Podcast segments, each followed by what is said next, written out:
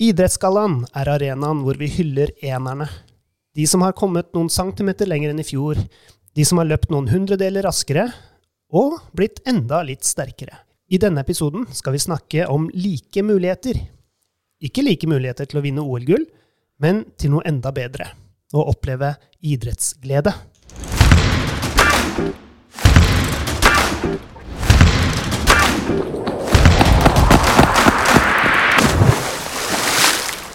Jeg heter Knut Harald Sommerfelt, og med meg har jeg Johan Konradsson. Hallo.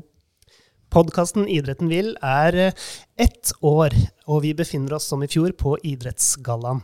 Denne gang i Trondheim for å mimre, feire og hylle de gode prestasjonene i året som har gått. For et år siden så hadde vi kulturministeren på besøk, og det var så vellykket at vi inviterte igjen. Og vi ønsker deg hjertelig velkommen, kultur- og likestillingsminister Lubna Jeffrey. Tusen takk. Velkommen skal du være. Takk, veldig hyggelig å være her. Hvordan har du det? Jeg har det fint. Eh, Idrettsgallaen er jo um, en veldig fin begivenhet, der vi feirer, som så dere sier, da, idrettsprestasjonene. Men vi feirer også mye annet. Vi feirer jo idretten selv, og alt eh, idretten består av. Og det er jo mange eh, på grasroten som også er til stede her, som er en viktig del av idrettsbevegelsen. Og du har jo den kuleste jobben i regjeringen, som sammen med idretten jobber for å skape idrettsglede for alle. Ja, jeg er helt enig i det, at jeg har den kuleste jobben. Um, uh, og jeg ser at det har vært noen diskusjoner rundt omkring om hvem er det som er idrettsminister i Norge? Jo, det er kulturministeren som er idrettsminister i Norge. Og jeg har definitivt verdens kuleste jobb. Ikke bare regjeringens, men kanskje også verdens, syns jeg. ja. det, er, det er sant, da. Det er, ja, det er helt sikkert sant. Det var det jeg visste. Ja. Har du opplevd eh, idrettsglede, da? Å ja. Eh, altså, det har jo vært en viktig del av livet mitt helt siden jeg var ganske liten. Eh, og jeg tenker ofte på min far. Han døde da jeg bare var 21. Men jeg husker OL på Lillehammer.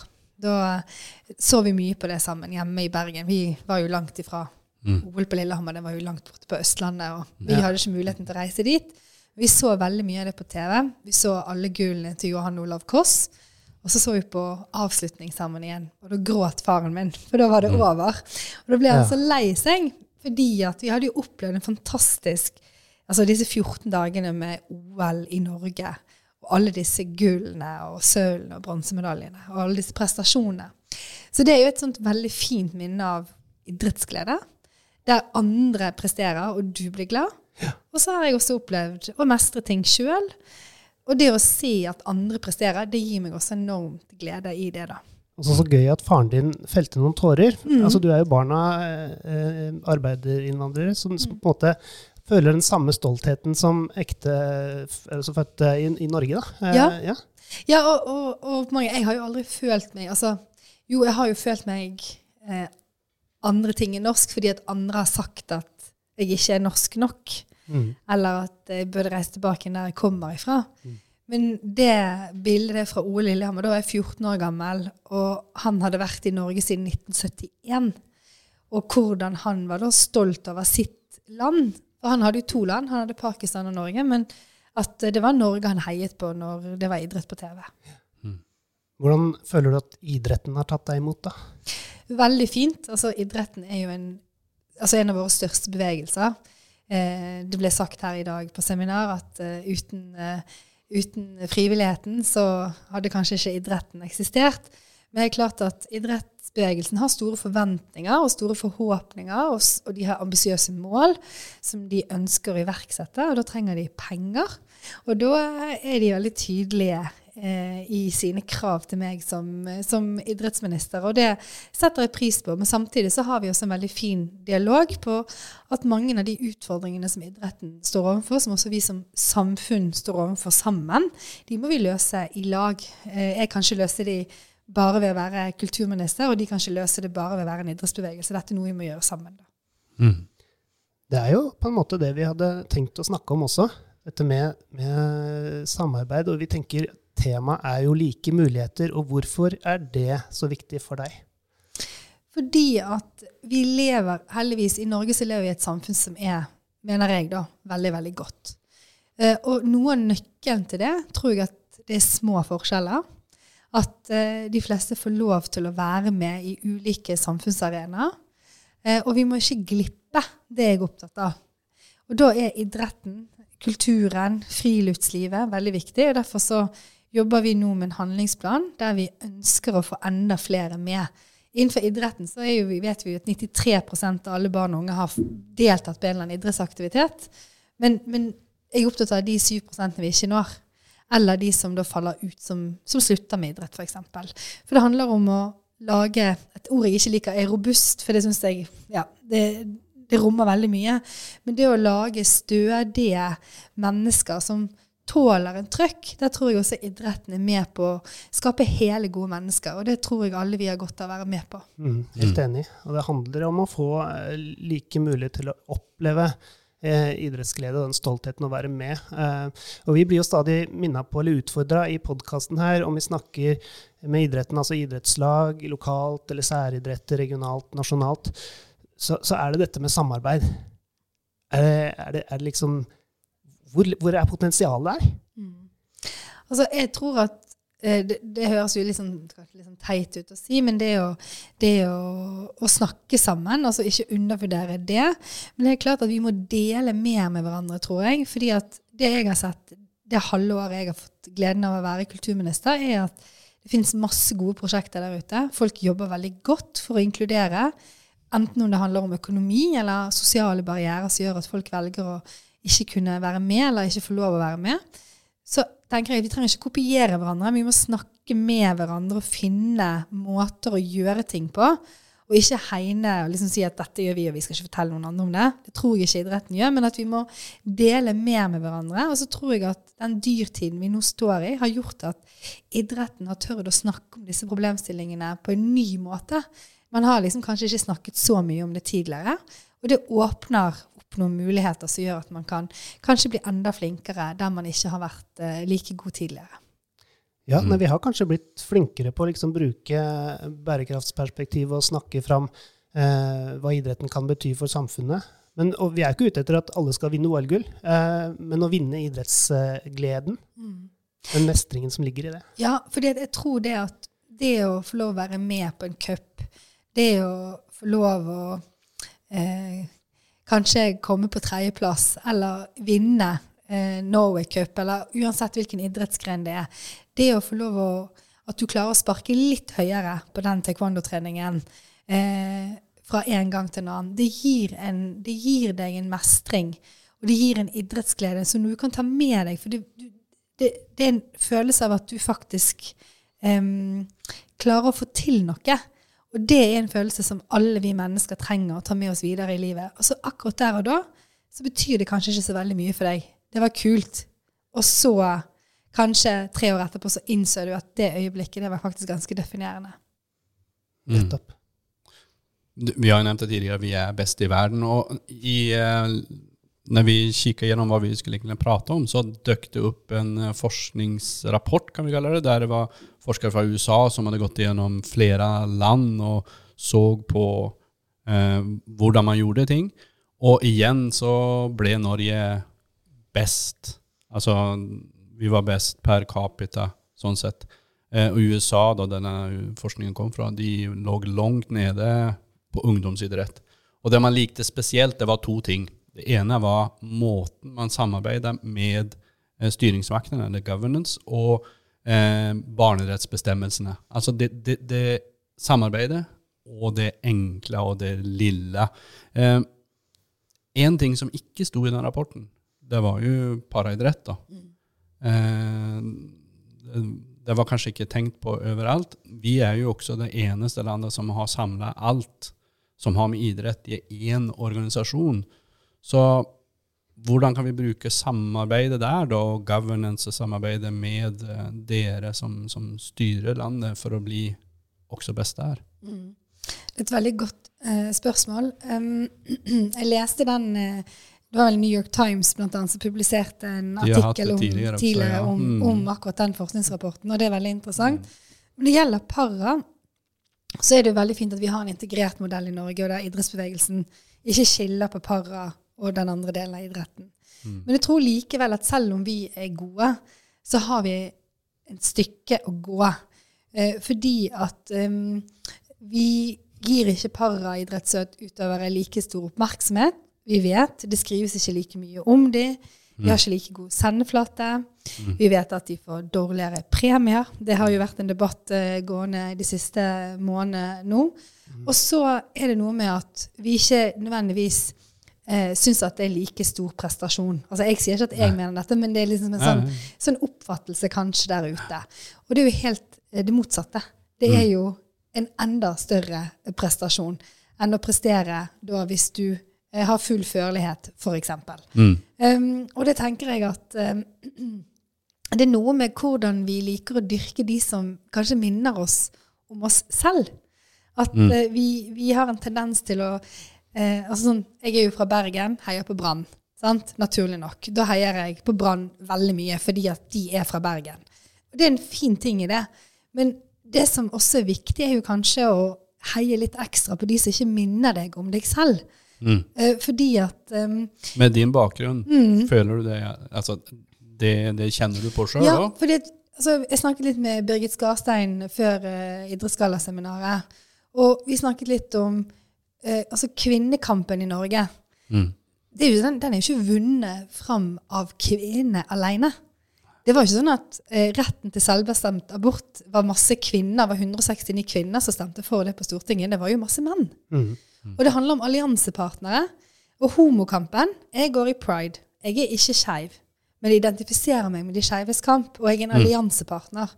Vi trenger alliansepartnere også i idretten, og også i paraidretten. Mm. At eh, den, si, den, vanlige delen i anførselstegn av idretten også er alliansepartnere og heier fram paraidrettsutøverne. Det tror jeg er ekstremt viktig.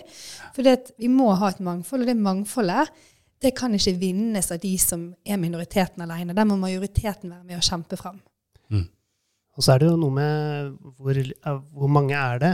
Altså Vi mm. har eh, registrert, eller i hvert fall vet om 11 000 utøvere. Men det fins jo um, anslagsvis 600 000 mennesker i Norge med en, en slags en form for funksjonshemming også.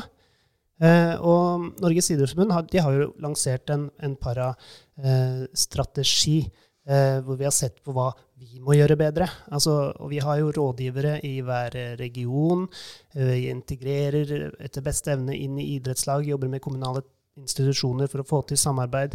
Um, men hva, hva tenker eh, Kulturdepartementet at eh, vi må bli enda bedre på nå? Mm. Eller hva skal dere gjøre?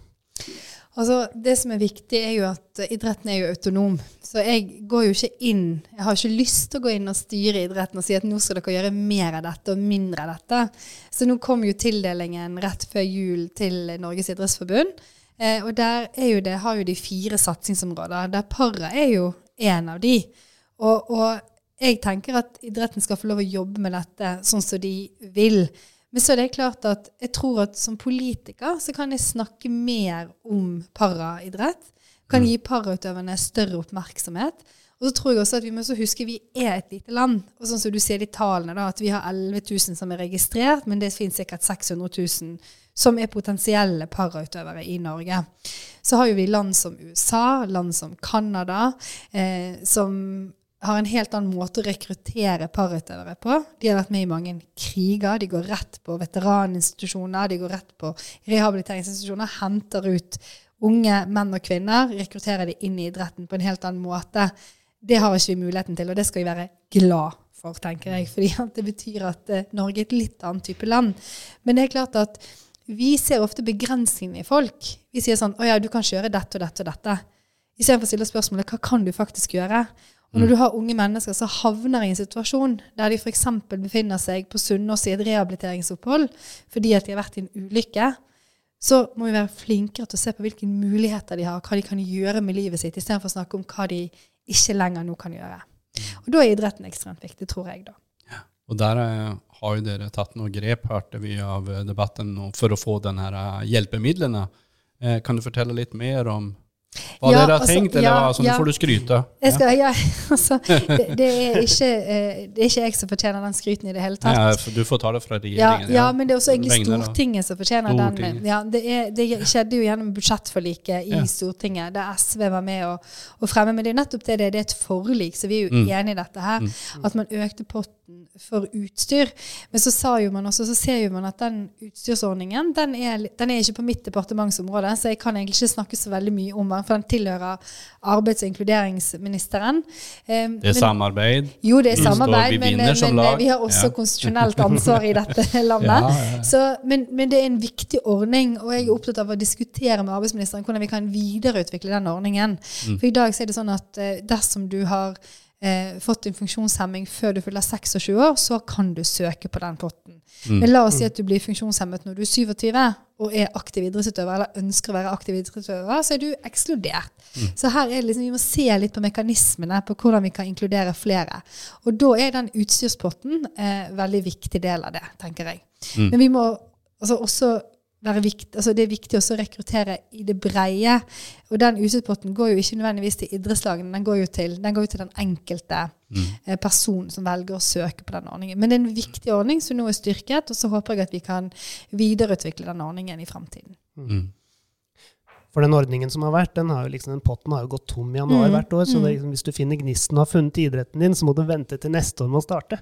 Så det har jo eh, vært eh, ganske Ja, hva skal vi kalle det? En krise for enkelte potensielle utøvere. Mm. Nei, og det er jeg klar over. Ja, så vi må, vi må se på hvordan vi kan gjøre dette på en bedre måte. For det er ikke optimalt, da, sånn som du sier, at han går tom eh, med en gang. Hva med personlig assistent? Ligger det på kommunalt eh, nivå, eller er det, det, kan du gjøre noe med det? Mm, Altså, det er også helseministeren som jobber med det. Det er jo eh, Det har jo vært eh, det Er dette en av hindringene? At vi har en sånn kompleks Eller det, liksom, Mm. de løsningene som finnes, er enkle for person, men vanskelige for systemet. For det er alltid den, og så er det den, og så er det den. Kanskje det, men, altså, men det som er med BPA, det er jo selvfølgelig en stor diskusjon om det skal bli rettighetsfestet eller ikke. Mm. Jeg har jo selv vært sosialbyråd i Bergen og kjenner godt til BPA-ordningen. Mm. Men det som jeg er opptatt av, er jo det at når vi snakker da om, i, om støtteordning til utstyr, vi snakker da om BPA, sant? så dette her er de store systemtingene. Mm. Og så opplever jeg Jeg har vært rundt og reist rundt nå i forbindelse med eh, handlingsplanen for inkludering og deltakelse i kultur, idrett og friluftsliv, som vi skal komme tilbake med i mai. Og der tar jo folk opp med meg Men vet du hva? Folk tror at det er så vanskelig. Så det, det er den største hindringen veldig mange møter. At Mm. eh, f.eks. Løvemammaene, som er en organisasjon eh, som eh, har barn som har en eller annen diagnose eller en utfordring, opplever at kommunen eller skolen eller hvem det er, ekskluderer barna deres, for de tror at det skal så enormt mye tilpasning til. Og det er da vi liksom begynner, hvis vi begynner å snakke om BPA-utstyrsordning. Det trenger ikke være så mye tilpasninger. Det er bare kanskje at du trenger å tenke at ok, når det er faktisk idrettsdag, så må vi kanskje ha en taxi, sånn at den ungen får også lov å være med. Mm. Sant? Det skal ikke mer til. Eller at man lager en aktivitet som er, som er øh, uavhengig av funksjonsvariasjon. Så det òg er viktig å tenke på at det er ikke alltid det store systemet, men at vi av og til kanskje gir opp fordi at vi bare antar at det er store hindringer i veien. Men ja, vi må også se på systemet. Og BPA-spørsmålet det ligger jo til behandling. Og der er det både Stortinget og helseministeren ser på BPA-ordningen. Og så er det også et kommunalt spørsmål, selvfølgelig, som hvordan kommunene velger å bruke BPA-ordningen. Men det er, ikke, det er ikke bare den som skaper hindringer, tror jeg, da. Det er mentale hindringer. Mm, ja, jeg tror det finnes en del mentale hindringer. Ikke blant de som har en funksjonsvariasjon, men de som ser på de Ja. med funksjonsvariasjon. Da. Ja. Mm. Men anlegg, og, Ja. og tilgang til anlegg er jo en forutsetning for idrett. Og mangel på det er jo en stor utfordring for eh, organisasjonen vår. Uh, og vi vet at regjeringen jobber med en nasjonal anleggsplan. Og hva er Mhm. status der? Den kommer om ikke så altfor lenge. Den er rett rundt eh, hjørnet. Så det vet jeg at eh, det er store forventninger Har du noe skup du kan gi oss? Nei, men det, har det hadde vært litt deilig, hadde ikke det? Ja, ja. Nei, men den kommer, den er rett rundt hjørnet, og da skal jo vi sende den ut på en høring. Så da kommer vi til, vi har fått både innspill i forbindelse med at vi har laget den, fra idrettskretser, fra Idrettsforbundet osv. Og nå kommer vi med vårt forslag, så vi også da legger ut på en høring, sånn at vi kan få innspill på hvordan vi kommer til å iverksette den nye anleggsstrategien vår. Og så er det viktig for meg å si at vi bruker veldig mye penger på anlegg i Norge. Vi brukte altså 1,7 milliarder i 2023 på anlegg. Eh, så det er på en måte en, en, en, en stor pott av spillemidlene går til det. Og så er det selvfølgelig utfordringer. Fordi at, eh, sånn som Tage Pettersen tok opp i dag, ikke sant, at eh, isen smelter, det er frivillig som å legge ny is på ishaller, det mangler eh, eh, eh flater, altså nok treninger. Oslo kommune sliter med det fordi at det er stor befolkningsøkning, det bygges eh, i befolkningstette områder, det er ikke plass til alle på fotballaget. Dette er utfordringer som selvfølgelig legger begrensninger på idretten. Så Derfor er det viktig at vi kommer med en ny anleggsstrategi, og så at vi også lytter på hva idretten og organisasjonslivet tenker, på hvordan vi kan bedre anleggssituasjonen. Det låter nesten som det er en ny hel podkast i forbindelse med den. Ja, kan, ja. jeg kan komme gjerne tilbake. ja, ja. Veldig bra. det skal vi ta deg på ordet på. Um, men jeg regner jo med at vi ikke har glemt paraidrett i denne strategien heller. Uh, hva, hva, gjør dere for at det skal bli like muligheter? Jeg må nesten ikke Kanskje du prøver nå å komme at det skal komme en sånn ja, ja, avsløring? VG rundt hjørnet. vi, vi, kommer tilbake. Og selvfølgelig, anleggsstrategien er jo også en integrert strategi. Den er, gjelder ikke bare, eh, bare idretten og de som er, har ingen funksjonsvariasjoner. Den skal også omfatte selvfølgelig også paridretten. Mm, ja. Jeg hører at jeg liker muligheter. Ja, mm. og en av grunnene til at jeg sier, nevner det, er jo at her i Trondheim så er, det, mm. er det Norges første paraidrettssenter eh, dedikert eh, til paraidrett. Mm. Så, så, jeg tenkte liksom å høre, er, er det det som er løsningen? Altså flere paraidrettssentre? Mm. Du, det, det, det, vil ikke jeg si ja eller nei til her og nå. Jeg vet og kjenner godt til paraidrettssenteret her i Trondheim. Jeg har de på listen min over steder jeg skal besøke eh, neste gang, kanskje, når jeg er i Trondheim. Eh, så de ble satt veldig tidlig opp på min liste over steder jeg har lyst til å besøke og lære mer. Så det gleder jeg meg veldig til, og jeg har allerede snakket eh, med flere om akkurat paridrettssenteret her i Trondheim i dag. Så det er viktig, og så vet jeg at de gjør et godt stykke arbeid. Og hvis vi kan bruke noe av det de gjør, så syns jeg at vi skal gjøre det. Flott. Og vi har fått et uh, spørsmål fra Per Einar Johannessen, som er rådgiver og prosjektleder for Norges første paraidrettssenter. Hvor viktig tror du det her, sånne her sentre er?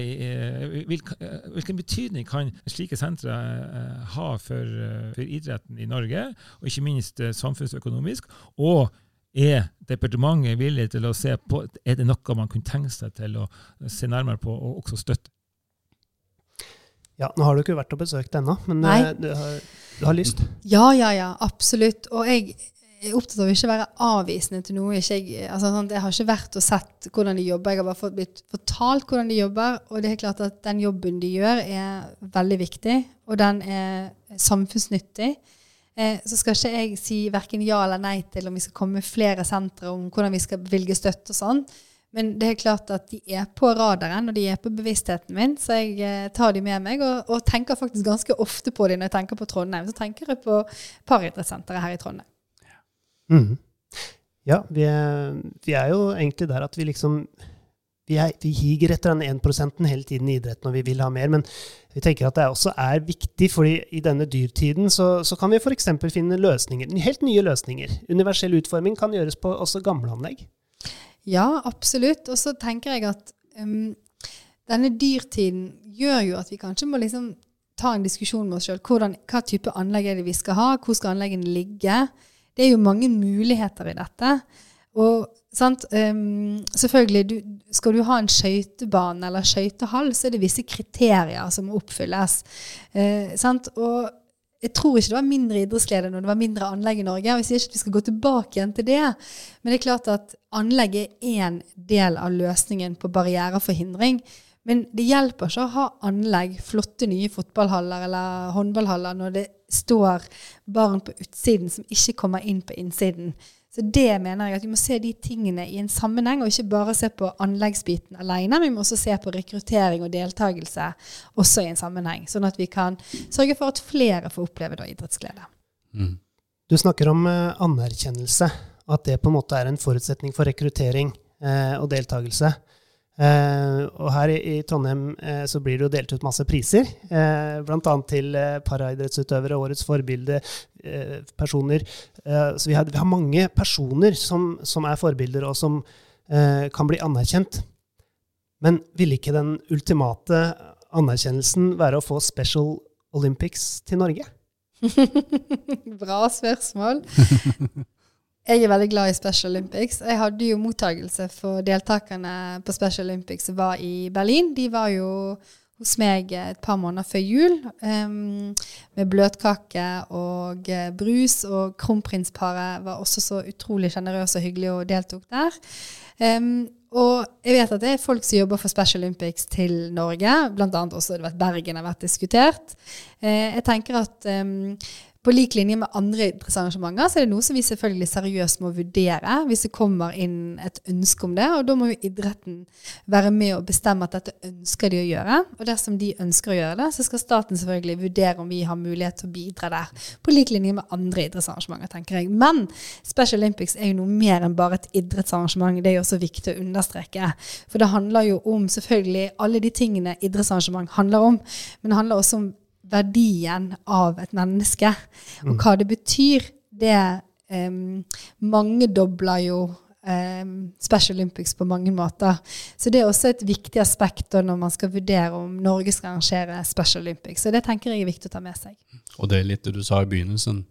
Majoriteten må løfte minoriteten. Mm. Og her er det virkelig på den måten. For at de skal få anerkjennelse.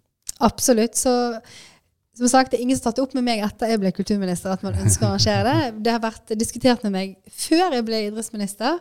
Eh, men skulle det være et ønske om det, så skal jeg selvfølgelig seriøst gå i diskusjon og i samtaler om at dette er et tema noen ønsker å løfte inn i Norge. Og du er i eh, posisjon eh, kulturminister Lubna Jeffrey med verdens kuleste uh, ministerpost. Tusen takk for at du gjestet podkasten Idretten vil. Takk for meg. Idrettsglede for meg betyr um, å trives med det du driver med. Og så Det er derfor vi holder på. En av de viktigste tingene for at man skal klare å nå såpass langt. Her har vi et utdrag fra en video med våre beste parautøvere. Og de snakker om idrettsglede akkurat som alle andre. Selv om Idrettsgallaen handler om å ta seg noen centimeter høyere eller lengre, bevege seg noen hundredeler raskere enn nestemann, eller kvinne, løfte seg litt sterkere i en ærlig kamp på idrettsarenaen, så er det som sitter igjen i kroppen, idrettsgleden. Like muligheter handler om like muligheter til å få oppleve idrettsglede. Vi høres. Vi høres.